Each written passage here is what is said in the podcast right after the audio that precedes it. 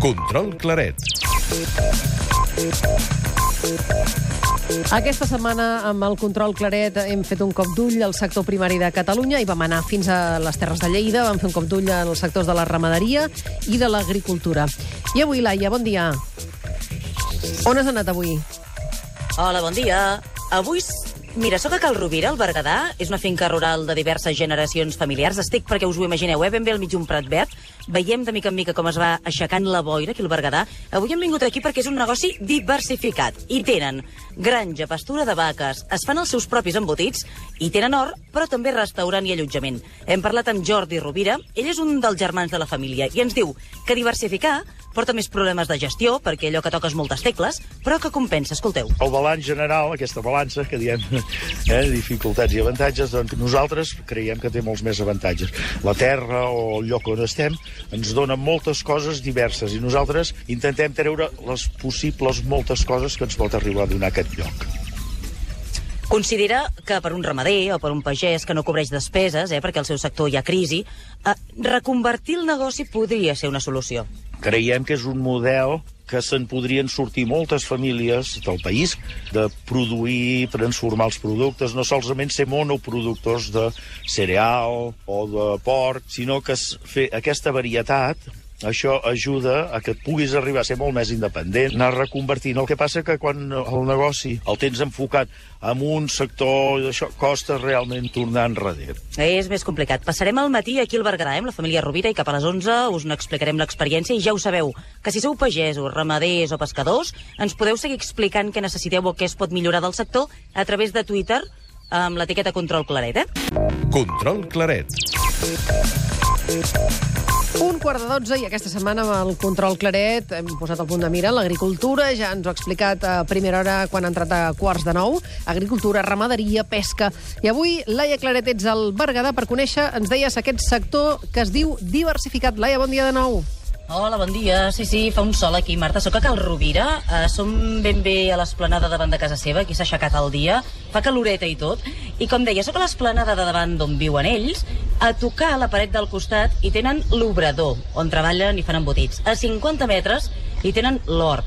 A 100 metres hi tenen la granja on hi ha els porcs. Per tant, aquí, per això se'n diu una mica el sector diversificat, perquè ho toquen tot, toquen tot de petites tecles, eh, i, i és el que fan ells cada dia a, a la zona on som nosaltres. Soc amb en Jordi Rovira, ell és un dels germans de la família. Jordi, bon dia. Hola, bon dia. I és el que deia, no? La vida familiar i la de pagès o ramader, en el teu cas, no se separen mai. Això és tot el dia, cada dia. Bé, eh, sí, que tal, tal com bé tu dius, doncs eh, la vida d'un pagès o d'un ramader doncs, va molt lligada a la feina amb la vida familiar o la vida eh, normal que pot fer qualsevol. Viviu a tocar, a tocar ben bé de la feina. O sigui, us lleveu, Sí, baixeu quan- a baix aquí a l'esplanada on Sí, som i sí. a treballar. Uh, som un sector que, no, diguéssim, que no hem de patir cues de trànsit per arribar a la feina, la tenim a tocar a casa, eh? Això té les seves, els seus avantatges, però també algun cop també té algun inconvenient. Algun cop què vol dir això, per exemple? Alguna nit has de llevar, ostres, cap a la granja o cap a l'hort? Passa, o... sempre, sempre passen coses, no? I, i eh, eh, que sempre estem, hem d'estar al peu del canó.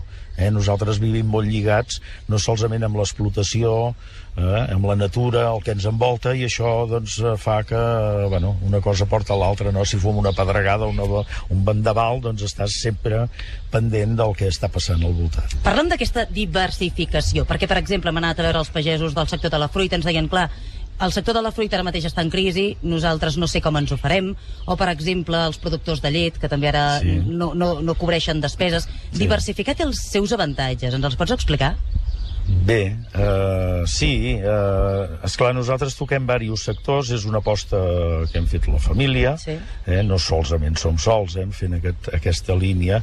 En el fons fem una miqueta el que es feia abans, no? Teníem, la gent tenien una explotació i treien tot el que podien o tot el que els hi donava la natura al seu voltant.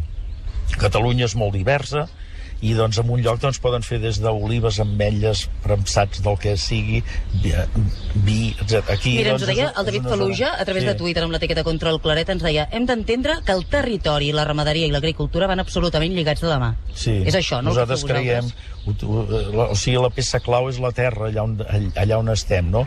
I depèn d'allà on ets, doncs la naturalesa et dona unes coses i on té avantatges i inconvenients.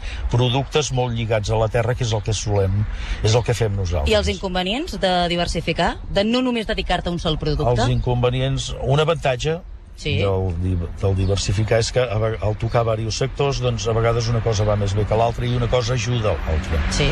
Això és una. I els inconvenients, bàsicament és un, hi ha un inconvenient principal que has de pensar en moltes coses, has de ser diguéssim, entre cometes, expert en bastantes coses. I em deies, has de Eh, tenir ordre, no? Un dia, ordre, al mateix moment que plantes... Sí, clar. uh, molta organització dins, a dins de tota l'explotació, perquè tot rulli i no ens deixem doncs, les mil i una feines que hem de fer cada dia. Aquí som unes 15 persones i m'argumentaves i em defensaves, de fet, el primer sector com a motor de treball, no? És una de les potències. Jo crec que sí, és clar, a vegades sentim estadístiques oficials per la tele, per la ràdio, no? I bé, i segurament doncs, eh, seria molt bo que a la zona del món rural, que és, que és la major part del país, eh, doncs hi ha moltes petites empreses, eh, entre d'altres a les que estem parlant concretament ara, que són les empreses agràries, Sí. i ramaderes, i això que jo crec que donen i tenen capacitat de donar molta vida i una i molta vida, quan dic molta vida vol dir molts llocs de treball I treball llocs de més a més, treball en el vostre cas, no? el nostre cas doncs és eh, llocs de treball jo crec eh, bons llocs de treball perquè nosaltres ens agrada treballar sempre amb la mateixa gent eh, Perquè, a més a més, són diners per la comarca, em i dona, comentaves, i, no? dona, I dona també molta vida, perquè si les empreses anem bé, doncs eh, renovem, invertim, eh, a pagès la gent no se'n guarden de diners, sempre estem reinvertint, no, fem grans esforços i ens estimem molt el que fem, i això suposa que sempre ens els gastem, Ahir ens sempre deia mirem de millorar. el senyor Cabré, deia un pagès abans de tancar el negoci s'arruïnarà, perquè sempre reinvertim i reinvertim i reinvertim i mirar sí, maneres... Sí, això està passant eh? I, i bueno, jo crec que això té molt valor no? perquè en llocs rurals eh, que hi hagi gent que encara aguantem i tinguem ganes. Ens hem de mirar el món rural en positiu, encara que costa, eh? perquè jo tinc veïns, tenim veïns aquí a casa que venen la llet a 26 cèntims i menys, no? Eh, per tant, jo crec que hauríem de fer una reflexió general que això és una vergonya pel país que hi hagi gent que hagin de fer llet, per exemple, eh? com llet, com d'altres productes, i l'hagin de regalar. Mira, Això per acabar et preguntaré què hi pot fer l'administració, però abans deixa'm, o parla'm una mica de, de què fareu el 17, 18 i 19 de juny, unes jornades eh, um, que, que darrere hi ha la mà de la Fundació Alicia, de les Diputacions, que es diu Benvingut a Pagès, una mica Sí. per donar-vos a conèixer, no? Obriu les portes. Benvingut a pagès. la paraula és molt, de- d'aquesta jornada és molt explícita, no? Donem la benvinguda. Nosaltres a casa, ja de fa molts anys, ens, ens hi hem dedicat molt a fer això, no? Mm -hmm. A fer aquest, com es farà aquesta jornada, que, per, que, que hi participem i de molt gust, que és, en el fons, això, convidar la gent de fora a que vinguin al, al territori, poden triar perquè Catalunya és molt gran, petita però molt Sí. diversa, i convidar-los i nosaltres tinguem l'oportunitat no solament de nosaltres explicar-los no la nostra situació, sinó les nostres maneres de fer. Com treballeu, i la- com la- planteu, Exactament, el que fem veu. i com ho fem i quines aspiracions tenim, sinó també al mateix temps sempre ens ha agradat molt escoltar el que passa a la gent, el que desitgen, el que volen i tot això. Doncs això, ser 17, 18, 19 de juny. 17, 18, 19 de juny. Va, ara som-hi. Què demanes a l'administració, Bueno, va? l'administració... Què li diries? Podríem fer una carta molt llarga. Uh, L'administració és una cosa molt gran, no solament és el Departament d'Agricultura, que el Departament d'Agricultura doncs mira, fa el que pot, eh, segurament amb els mitjans que té, que són ridículs, però eh, no estaria malament que s'hi posessin una mica en sèrio. Com, per exemple? Bé, eh, moltes vegades l'administració, que també, al veure el món rural, el món de, que fem elaborats, ens afecta no solament el Departament d'Agricultura, ens afecta el Departament de Sanitat, ens afecta el Departament de Política Territorial, per cert, urbanisme, etc. Eh? Temes molt delicats que fan que les explotacions, doncs, per exemple, ens tinguin enganxats, ens ting, ens, ens, els plaços de, de permisos, de moltes mil i una... O sigui, que s'agilitzi tot una mica, demanaries, És no? que Els s'ha d'agilitzar moltíssim la, la, la, les tramitacions de les coses. Ells, si s'hi posen, ja ho podrien fer. Escolta, Blai, Jo això ho que podem això fer directament divendres, no? Podem demanar-ho divendres a la taula o què? Ho farem amb. Unió de Pagesos, amb la Federació de Cooperatives Agràries de Catalunya i amb Meritxell Serret, la consellera. Doncs escolta, moltíssimes gràcies. Uh, T'esperem aquí i dona les gràcies de part nostra i el divendres intentem treure l'entrellat de la Doncs situació. moltíssimes gràcies i gràcies Jordi Rovira Gràcies, per convidar-nos aquí. Gràcies a tots vosaltres. que vagi bé, bon dia. Adéu, bon, Bon dia. dia.